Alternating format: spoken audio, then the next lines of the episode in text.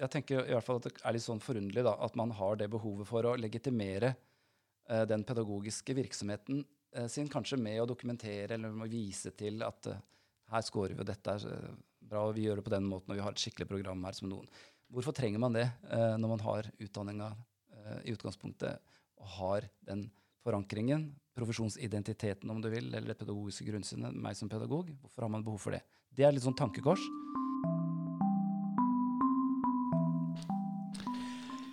Ja, da ønsker vi velkommen til en ny episode i podkasten 'Perspektiver på barnehagefaglige fenomener'. Og i studio i dag, som vanlig, sitter Øystein Skundberg. Og Nina Odgaard. Og i dag så har vi vært så heldige at vi har eh, fått eh, Jostein Paulgård Østmoen i studio. Du har fortalt oss at du har bakgrunn både fra barnehage og skole. Og så er du førstelektor på Campus Drammen, og akkurat nå så fungerer du også i 50% som programleder. Videre så ser vi at du i 2021 var vinner av Barnehageinspiratorprisen. Mm. Hvis du vil si litt om deg selv da, i forhold til det jeg har nevnt nå, f.eks. Hva, hva er en programleder da, Jostein?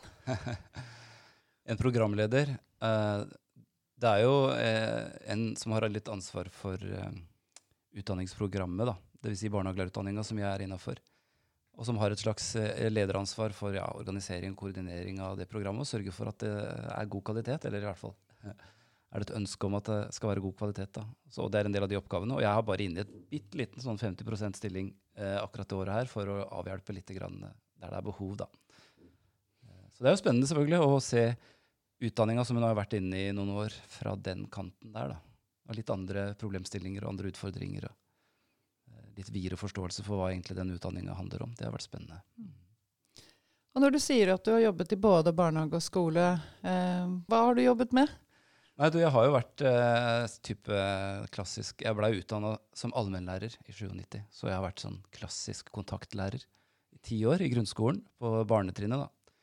Eh, og så fikk jeg mulighet til å gå over i barnehage etter hvert, i en litt mer sånn pedagogisk lederstilling, faglig lederstilling, eh, med styreroppgaver. Uh, og så gjorde jeg det i noen år, i en enkeltbarnehage, en sånn privat barnehage der.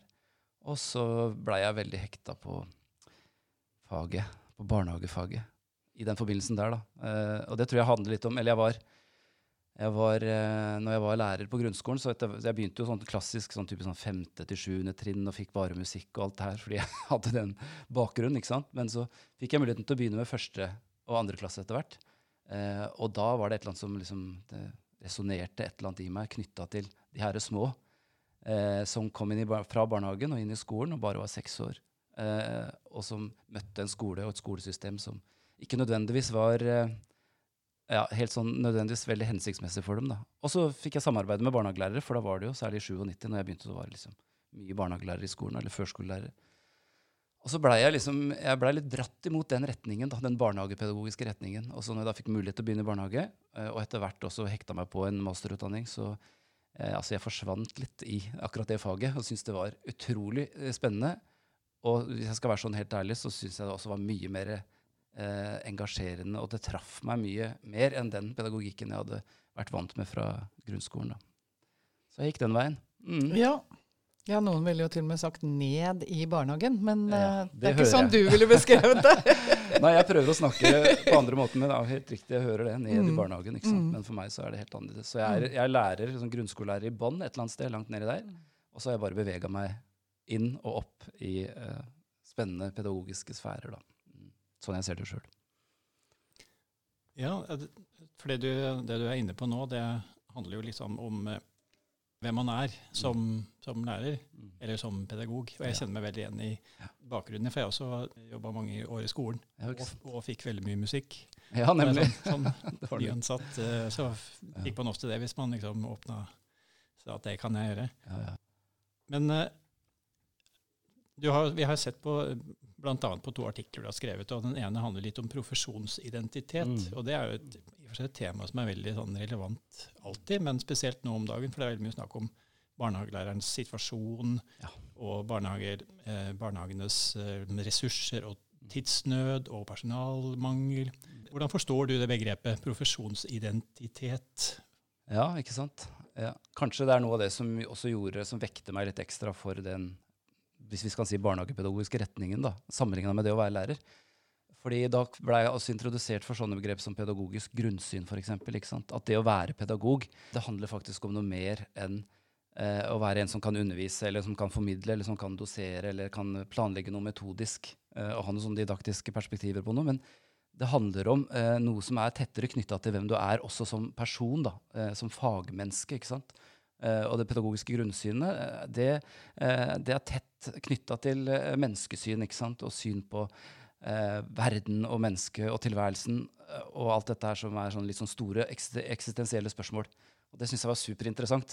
Å komme i kontakt med den biten der og oppdage at det med identitet, da, eller å utvikle en identitet på det området, eh, som da handler om det barnehagepedagogiske. Det handla egentlig om å komme i kontakt med meg sjøl, mine verdier, hvem jeg er, hvem, hva jeg står for. Og eh, på en måte liksom prøve de verdiene opp imot det som ligger i mandatet. Da, for I mandatet til barnehagelæreren så ligger det også noen sånne grunnleggende verdier som vi eh, skal forholde oss til. Eh, som bl.a. handler om menneskeverd og kjærlighet, altså respekt for naturen og menneskeverd. og solidaritet og anerkjennelse, altså likeverd og alle de de begrepene der. da. Så det å uh, utvikle en sånn type profesjonsidentitet tenker jeg kanskje ja, først og fremst om å, handler om å komme liksom, i kontakt med seg sjøl som, eh, som, menneske, men også kunne se det opp imot det mandatet vi har. Uh, og det vi skal målbære, på en måte, eller de verdiene vi skal målbære i barnehagen og i kontakt med de barna som vi møter der. Ja, for, for det, det, Noen ganger så, så, hører man at folk snakker om både skole- og barnehagelærere som mm noen som bare har en eller annen gave. Ja. At er bare, han er så god med barn, eller ja. han er så flink til å formidle. eller sånt, At det er noe sånn eh, essensielt da, som bare gjør at noen bare er pedagoger, og noen ikke er det. Men eh, for, begrepet identitet handler jo litt om, om, hvem man føler det sånn. Men, men hvordan, eh, hvordan, utvikles liksom den selvforståelsen ja. eller identiteten? Gjennom eh, utdanninga eller gjennom eh, det å være i i praksis? Er, man, er, det sånn at man enten så er man pedagog, eller så er man ikke? Automatisk. Nei, jeg tenker egentlig Det er, det er, det er et utgangspunkt der, det, det, mener jeg, og det tror jeg at det er. da, At det er et eller annet man har med seg. på en måte. Som ikke for alle nødvendigvis kan læres eller kan utvikles heller. det er kanskje litt, Men jeg, jeg tenker kanskje sånn at det må være noen sånne forutsetninger. Men samtidig så er jo barnehagepedagogikken helt sånn gjennomsyra av det liksom en sånn type refleksiv tankegang. ikke sant? Eller kritisk og refleksiv tankegang på at man eh, fokuserer og, og, studerer et annet, Kaster et langt granskende blikk på seg sjøl. Husker jeg var en sånn setning som, jeg, som, jeg, mm, som, som gjorde inntrykk på meg da jeg begynte å bevege meg inn i det feltet sjøl. Det vil si være, se bakover, se på det man eh, Ikke bare det man er, men også det man gjør, og måten man gjør det på sammen med barn. Altså opplegg. Tenk på type sånne, eh, sånne pedagogiske tilnærminger som ja, pedagogisk dokumentasjon, aksjonsforskning. Det er en hel del sånne tilnærminger til eh, det å, være, eh, å, drive et pedagogisk arbeid i barnehagen som, som er så prega av den refleksive og kritiske tankegangen og litt sånn ærlige tankegangen på eh, at hvem er, hvem er, jeg, hva er det jeg holder på med, hvorfor gjør jeg som jeg gjør? Eh, er dette her i tråd med ja, mandatet, da, eller det som er føringene for meg? Eller hvor er jeg på vei, eller hvem er jeg? Det, og det å være pedagog, da, det det handler vel egentlig i bunn og grunn, eh, for meg i hvert fall, om å være kritisk reflekterende og se bakover. Og det også syns jeg er spennende når jeg da kommer inn og skal utdanne, eller være en del av utdanninga med å utdanne kommende barnehagelærere, så er det nettopp det at den pedagogrollen og det å være pedagog på den måten også eh, kjennetegner en som underviser på høyere utdanning, da. Men um, Hvis vi skal gå litt videre på dette med profesjonsidentitet, da, hva, hva, tenker du ligger i det å ha et profesjonelt ansvar? Og i forlengelse av det du skriver, så snakker du om uh, at det er like viktig hvem man er som pedagog, som hva man sier og hvordan man sier det. Ja. Uh, kan du utdype det? Ja, det er jo litt sånn, det kan jo tolkes på litt flere måter, akkurat det der. For det kan jo tolkes som at ikke det betyr så mye hva man sier. Eh, og kanskje at ikke det at man har kunnskap heller er så veldig, uh, veldig viktig, da. Men det, det, er ikke egentlig det det handler om. Men det handler om at man kan godt, eh, både tilegne seg kunnskap og ha evnen til å dosere eller formidle den kunnskapen. Eh, jeg pleier, pleier, ofte også å bruke disse gamle aristoteliske begrepene. Eh, I hvert fall tenke, tenke opp imot dem. da, Logos, patos og etos. ikke sant? At du har logos, som er ordet, på en måte, da, eller teorien. Og kunnskapen, den har man. Og så har man kanskje også patos, dvs. Si evnen til å snakke det fram på en sånn ja, mer eller mindre lidenskapelig måte. ikke sant? Eller at man klarer liksom å formidle. Men etos det er noe mer enn både patos og logos, ikke sant? for det handler om eh, en karakter, at man har en karakter, eller at man har en væremåte. Liksom en måte å både se eh, verden på og livet på, men også en måte å egentlig te seg på og være på. I møte med studenter, i møte med barn og i møte med andre mennesker. Som egentlig støtter opp under de verdiene som også man ja, representerer litt da, som, eh, som, barnehagelærer, kanskje, eller som pedagog. Eh, og da er, litt, da, er det, da, er det, da er, det, det som kanskje er grunnlaget, men så er det ut ifra det så er det selvfølgelig at man også målbærer, også snakker og også har den kunnskapen som må til da, for å kunne være en pedagog. Jeg syns det er i hvert fall veldig spennende. Eh, også, også når det gjelder, Nå snakker jeg veldig sånn å, personlig. det er bare meg, liksom. Men det er ikke bare en individuell profesjonsidentitet som er opptatt av, men det er også den kollektive eh, profesjonsidentiteten. Da, den som, som, egentlig gjør at jeg identifiserer meg med eh, en profesjon, altså med andre pedagoger. Da. For meg vil det nå i hvert fall være barnehagelærerutdannere på eh, på studiet, men, men, selvfølgelig også pedagoger og barnehagelærere som jobber i profesjonen. Eh, at det er noe, et felles grunnlag eller et utgangspunkt, noe som er gjenkjennbart, og som resonnerer når, eh, når, vi er i møte med hverandre. Og Der ligger tror jeg, den der kritiske, refleksive måten å tenke på f.eks. er en sånn gjennomgangstone. Og også det profesjonelle ansvaret eh, som man bærer med seg som en representant for den eh, profesjonen, som også handler om bevissthet eh, mot samfunnstendenser og det som rører seg eh, rundt i samfunnet eh, knytta til barnehage. Da. Mm. Er det å være pedagog på en måte alltid å stå i den spagaten mellom, eh, mellom ansvar og etikk? Mm. Eller mellom politikk og etikk? Eller, eller mellom det der med å, at pedagogikk er å formidle noe og ikke noe mer, og den andre som eh, oppfatningen av at pedagogikk er noe du liksom har i deg.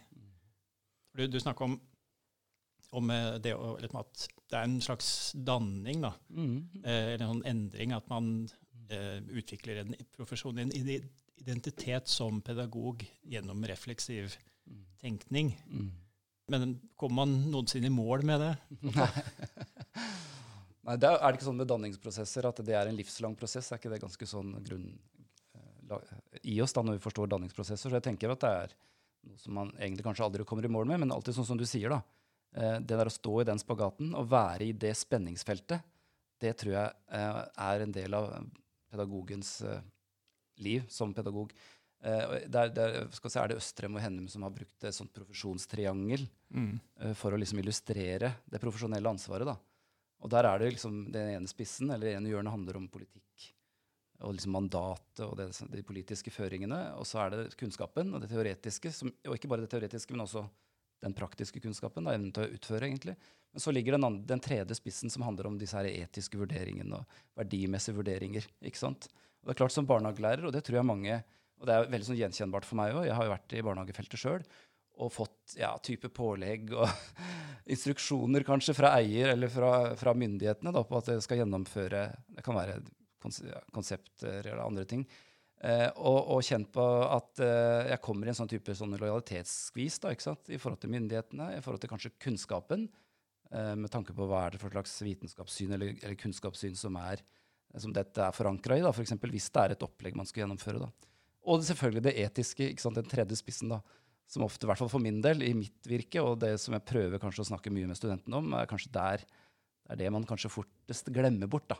Man kjenner en uro eller en sånn litt sånn Er dette her helt er det det det barnet trenger akkurat her og nå? Eh, er det, er det det barnegruppa har behov for? Denne måten å gjennomføre, sitte her ned og skulle gjennomføre. Jeg husker, Når vi først begynner å snakke om litt sånn konsepttankegang da, Jeg husker jo at blant bl.a. det her steg for steg er jo et sånt kjent verktøy som skal, uh, som skal uh, bygge, ja, bygge, sosial kompetanse hos barn. Og at det kommer i kontakt med følelsene sine. og alt der. Jeg husker jeg satt i en samling som barnehagelærer sjøl og det er altså, sånne bilder, og Foran på bildet er det bilde av et barn som er lei seg eller surt. Og så bak det bildet, altså ikke det barna ser, for barna ser jo bare bildet, men bak det så sto det sånn oppskrift. Jeg sier det, og her er det, og så skal jeg si det, og så skal jeg gjøre det, og så skal jeg gjøre det. Og jeg måtte jo si, må jo si Jeg gjorde nok ofte, jeg gjorde nok mye, litt sånn tankeløst kanskje, men, men jeg kjente på en uro. da. Eh, er det dette her jeg har liksom utdanna meg til som barnehagelærer? Eh, og skulle sitte bare og egentlig gå gjennom noen instrukser som noen har lagd for meg, eh, trenger jeg egentlig utdanninga til det. Og det er sånne jeg tenker liksom profesjonsetiske vurderinger eh, som man kommer i da når man møter eh, Og har et ansvar for å forvalte nettopp det profesjonelle ansvaret i den sammenhengen der. Nå ledet du oss jo inn i den andre artikkelen eh, som vi har lest eh, før, dette, før, denne samtalen med deg, Jostein. Og, og, og, der tenker jeg at du har jo liksom forsket med andre rundt utbredelse av nettopp dette med konsepter og programmer, som jo er høyaktuelt i, i norske barnehager i dag. Eh, går det an å si noe om hvor utbredt eh, dette er? Eh, og, og, kan du Eh, kan du, eller kan, så dere, hvor mye det var i bruk? Ja, det, vi kan jo si noe om hvor utbredt det er, for det var det vi forska på sånn i utgangspunktet. Da eh, og det, det, da hadde vi en undersøkelse som egentlig eh, Vi hadde kontakt med alle eh, praksisbarnehagene til USN, dvs. Si eh, hele Vik, eller i deler av Vik, gamle Buskerud, Vestfold og Telemark. Da, så det var en stor sånn, østlandsregion. Og så hadde vi også samarbeid med Dronning Maud, så vi hadde også eh, tilgang på empiri fra Trøndelag. Da.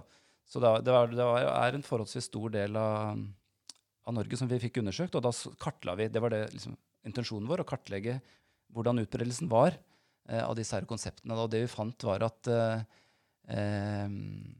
at eh, det spente selvfølgelig veldig fra noen få som ikke brukte noe i det hele tatt, eh, til de som brukte fra 10 til 15 konsepter. Og så lå gjennomsnittet på disse kommunene eller de regionene, det lå på rundt fire-fem konsepter i hver barnehage da, som var eh, i bruk, enten systematisk eller, eh, eller, litt sånn av og til. For det så undersøkte vi litt da, for alt var jo selvfølgelig ikke sånn systematisk og ukentlig bruk, men, men, en del av det var også. Så det vi kunne konkludere med da, da når vi så på den undersøkelsen, det var selvfølgelig at jo, det er Fordi det er noen som snakker om program- eller konseptinnovasjon, det er sånne begreper vi hører. Og sånn som vi som barnehagelærere Nå sier jeg vi som barnehagelærere, ja, men det er greit. Mm. og ofte engasjerer oss i det og blir opptatt av, ikke sant? nettopp av den grunnen som jeg sa i stad. Eh, men da fant vi i hvert fall ut at den konseptinvasjonen som noen snakker om, den er reell. Mm.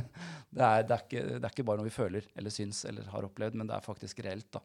Eh, at det er stor andel av disse her standardiserte verktøy, vi kalte det for verktøy, oppskriftsbøker, kokebøker, programmer standardiserte, evidensbaserte programmer osv.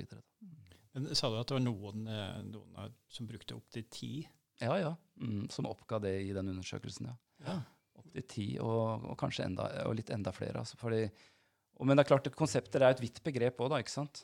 Så vi hadde jo oppgitt noen sånne som vi hadde hørt om. sånn forhåndsoppgitte eller forhåndsrapporterte, på en måte. Blant annet ja, steg for steg, som jeg nevnte i stad. Psykologisk førstehjelp. Eh, Eh, de utrolige årene og en del sånne konsepter. Eh, som vi oppga sjøl, men så kunne barnehagen også oppgi andre som ikke var i vår liste. da, ikke sant? Og da kom det jo inn, det kom inn veldig mye eh, forskjellig. Og det, er, det, spenner jo fra type Hva heter det? Bjørnis? Nei. Eldar og Vanja og Bjørnis. Det er sånne brann... Eh, hva heter det, Forebyggende for brann og helse og sånne ting. Til litt mer sånn større, eh, omgripende og gjennomgripende konsepter som preger liksom hele barnehagen og kanskje hele, hele satsingsområdet i en kanskje kjede eller, eller en kommune eh, vi eier. Da. Så det, spenn, det er et veldig stort spenn. Eh, I hvert fall. ja. Hva, hva, er det ofte den eh, måte overbyggende sånn begrunnelsen? Mm. Er det for, fordi, fordi skolen, eller fordi at eh, man skal liksom forberede dem, eller sikre noen sånne ferdigheter til uh, ungene skal begynne på skolen? Mm. Eller er det, er det liksom kommunen som som gjerne vil ha eh, liksom målbare læringsresultater. Ja, Hva er det som var den vanligste måte, begrunnelsen for det? Ja, for det? Vi spurte litt om begrunnelser. da, så En del av den undersøkelsen jo, var jo kval kvalitativ òg, fordi vi fikk noen sånne skriftlige begrunnelser på hvorfor man brukte det. Eh, og det var eh, litt sånn todelt, egentlig. Det som det var flest svar på, det var eh, omtrent like mange svar på det som handla om nettopp det du sier med at dette her ivaretar satsingsområdene i barnehagen, og ved at jeg jobber med det og det konseptet, så realiserer jeg mandat, det faglige mandatet og satsingsområdet som barnehagen har. da. For det var mye sånne f.eks. språkkonsepter. ikke sant? Språksprell, språkkista og, og snakkepakken, som er sånn veldig utbredt. Det er det ganske mye av. Eller er det mange som bruker. Eh, men så var det også den andre som var omtrent like stor av begrunnelsene, og det var nettopp det du sier med at jo, det her er pålagt eh, av eier. Eh, så det er forventa eller pålagt eller bestemt at jeg skal gjennomføre. da. Eh, så de var omtrent jevnstore, de to der, eh, egentlig. Ja. Mm. Er det, ja. er, det, er, det, er det derfor dere har valgt å liksom bruke den veldig brede eh, betegnelsen konsepter? For jeg, jeg, jeg merka meg Jeg tar et lite skritt til siden nå, men jeg merka meg denne, dette valget av begrep. Og så tenkte jeg For meg så er konsepter ja, Man kan jo snakke om konseptuelle leker, f.eks. Ikke sant? Men, men for meg så ble det Det ble nesten litt mer uklart. Jeg ble litt sånn usikker. Men så begynte jeg å lese hvor utrolig bredt, eh, hvor mange Ja. Og, da, og da skjønte jeg at det kanskje ikke holdt med programmer heller. Så er det Nei. derfor dere har landa på dette Ja, akkurat. begrepet? Ja, det holdt ikke, det holdt ikke med programmer og det holdt Nei. ikke med verktøy, fordi det er såpass vidt. da, Og når vi ga muligheten til å oppgi det sjøl også, ikke sant, i disse her spørreundersøkelsene, så kom det jo inn en kjempestor bredde, eller som vi også ville ta med, for det var det materialet vi fikk. Mm. Så konsepter altså vi kan si, sånn, i, i, eh, I begynnelsen av det forskningsprosjektet så brukte vi jo pedagogiske konsepter som begrep. For det er brukt en del i Danmark av en som heter Aabro, blant annet, som bruker pedagogiske konsepter på det fenomenet som vi snakker om nå. Da. Men der fikk vi noen tilbakemeldinger, også via fagfeller, når vi skulle publisere dette vitenskapelig, at kanskje det blir litt uh, heftig å snakke om de konseptene, eller alle de konseptene som under samleparaplyen pedagogiske. Da. For det, man kan diskutere selvfølgelig om hvor pedagogisk lagt opp de er, og eh, ut ifra hva slags kunnskapssyn de er basert på osv. Så, videre. Mm. så det blei konsepter som et sånt samlebegrep. Men så er det også uenige eller forskjellige oppfatninger av, fra de som skal bruke dem, altså de som jobber i barnehagene. For det, det er jo et ganske betent tema, og som det er veldig mye debatt rundt osv. Men like fullt så eh, Når jeg snakker om det her med, med studenter, eller med folk som kommer fra praksisfeltet, som er i etterutdanning eller noe sånt, så er det veldig delte meninger. Noen, Det er ikke det at de, de er veldig glad i alle konsepter, men det er alltid noen som sier at dette løste et problem for oss. Ja. Eller det, det løste en utfordring. Dette hadde vi ikke kompetanse på. Vi er glad for at vi har den permen, for da kan vi liksom eh, dekke et område som vi ellers ikke hadde klart. Så det, så det er, men det det er også noen som, som opplever det som, som et hjelpemiddel. Det er ikke bare sånn at det blir dytta på dem ovenfra, eller Absolutt, og det så vi jo i den undersøkelsen nå. Når de svarte, så var også det med tilpassa bruk var en forholdsvis sånn stor del av de begrunnelsene. Dvs. Si at man bruker konsepter og bruker programmer og bruker eh, diverse verktøy som sånn en del av repertoaret sitt. på en måte. Da. Barnehagelæreren har jo et kjemperepertoar og skal ha et kjemperepertoar av forskjellige metoder og innfallsvinkler for å kunne velge å løse som du sier, ikke sant, de utfordringene som kommer. da. Så den type liksom, sånn konseptshopping, at man bare brukte det man har, og så, og så bruker man kanskje skjønnet sitt eller det pedagogiske grunnlaget sitt til å velge. da.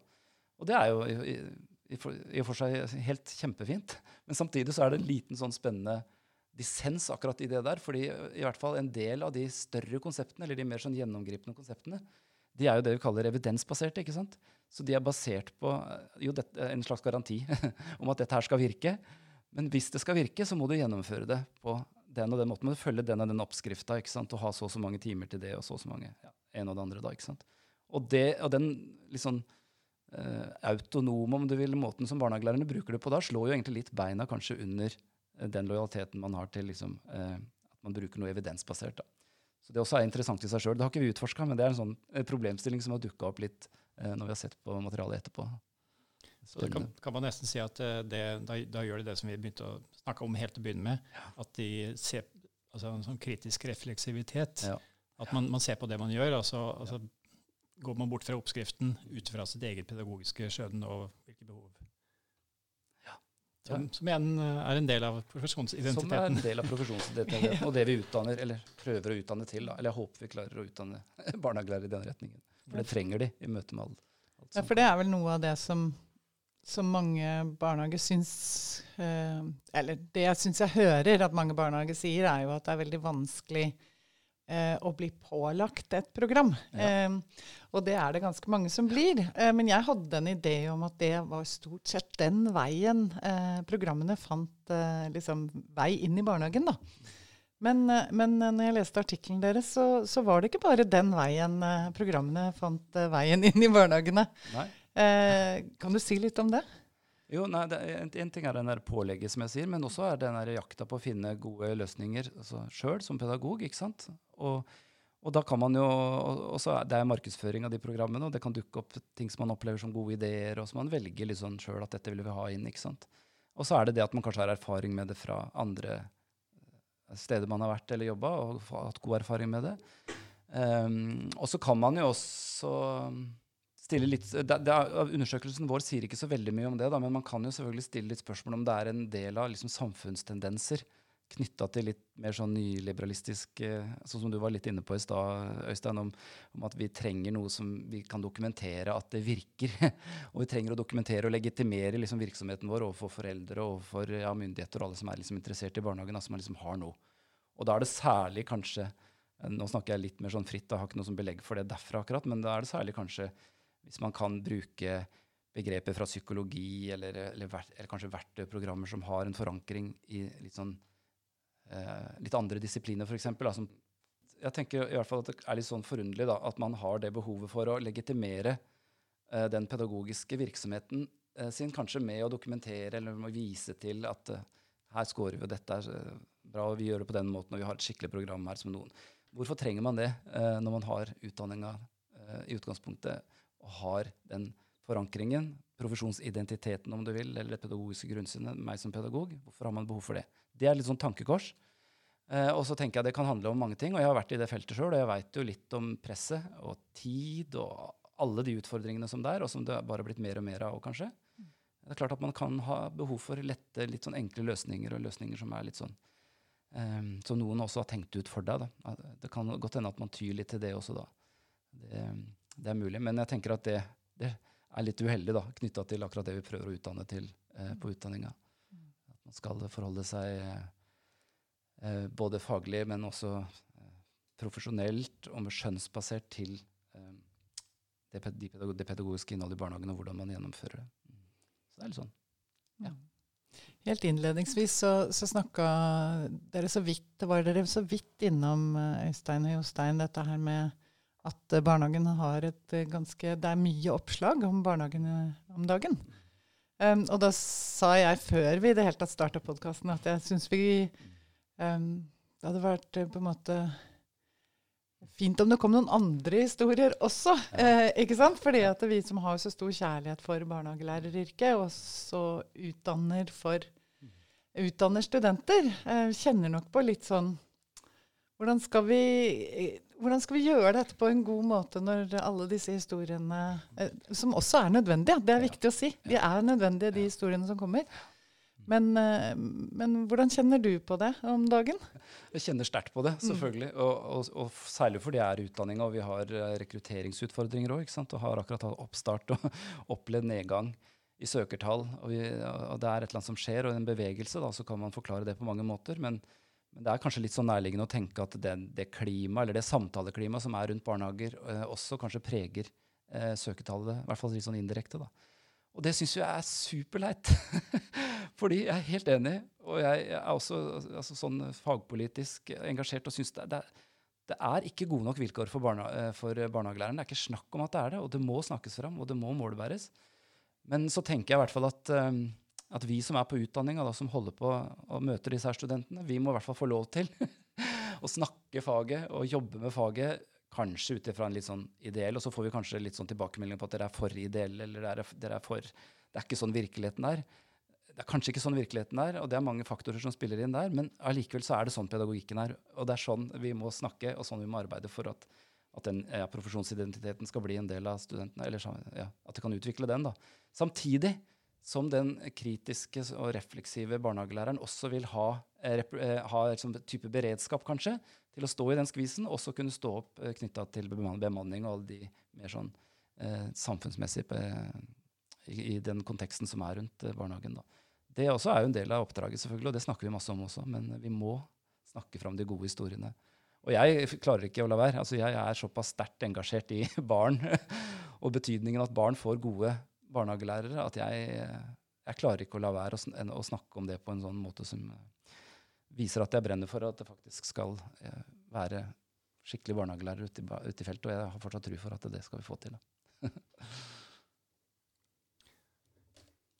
Det, det var veldig bra eh, siste budskap til lytterne våre. for Nå begynner tiden vår å gå ut. Så da sier vi tusen takk til Jostein Bølgaard Østmoen på USN. Ja, takk for meg. Takk for at jeg fikk uh, muligheten å prate litt. det var litt gøy. Ja, i like måte. Uh, og dette er da fremdeles uh, podkasten 'Perspektiver på barnehagefaglige fenomener'. Og vi er fremdeles Nina Odegaard. Og Øystein Skundberg. Og du må gjerne følge oss på eh, Facebook, på Instagram, og høre alle våre episoder på ulike kanaler.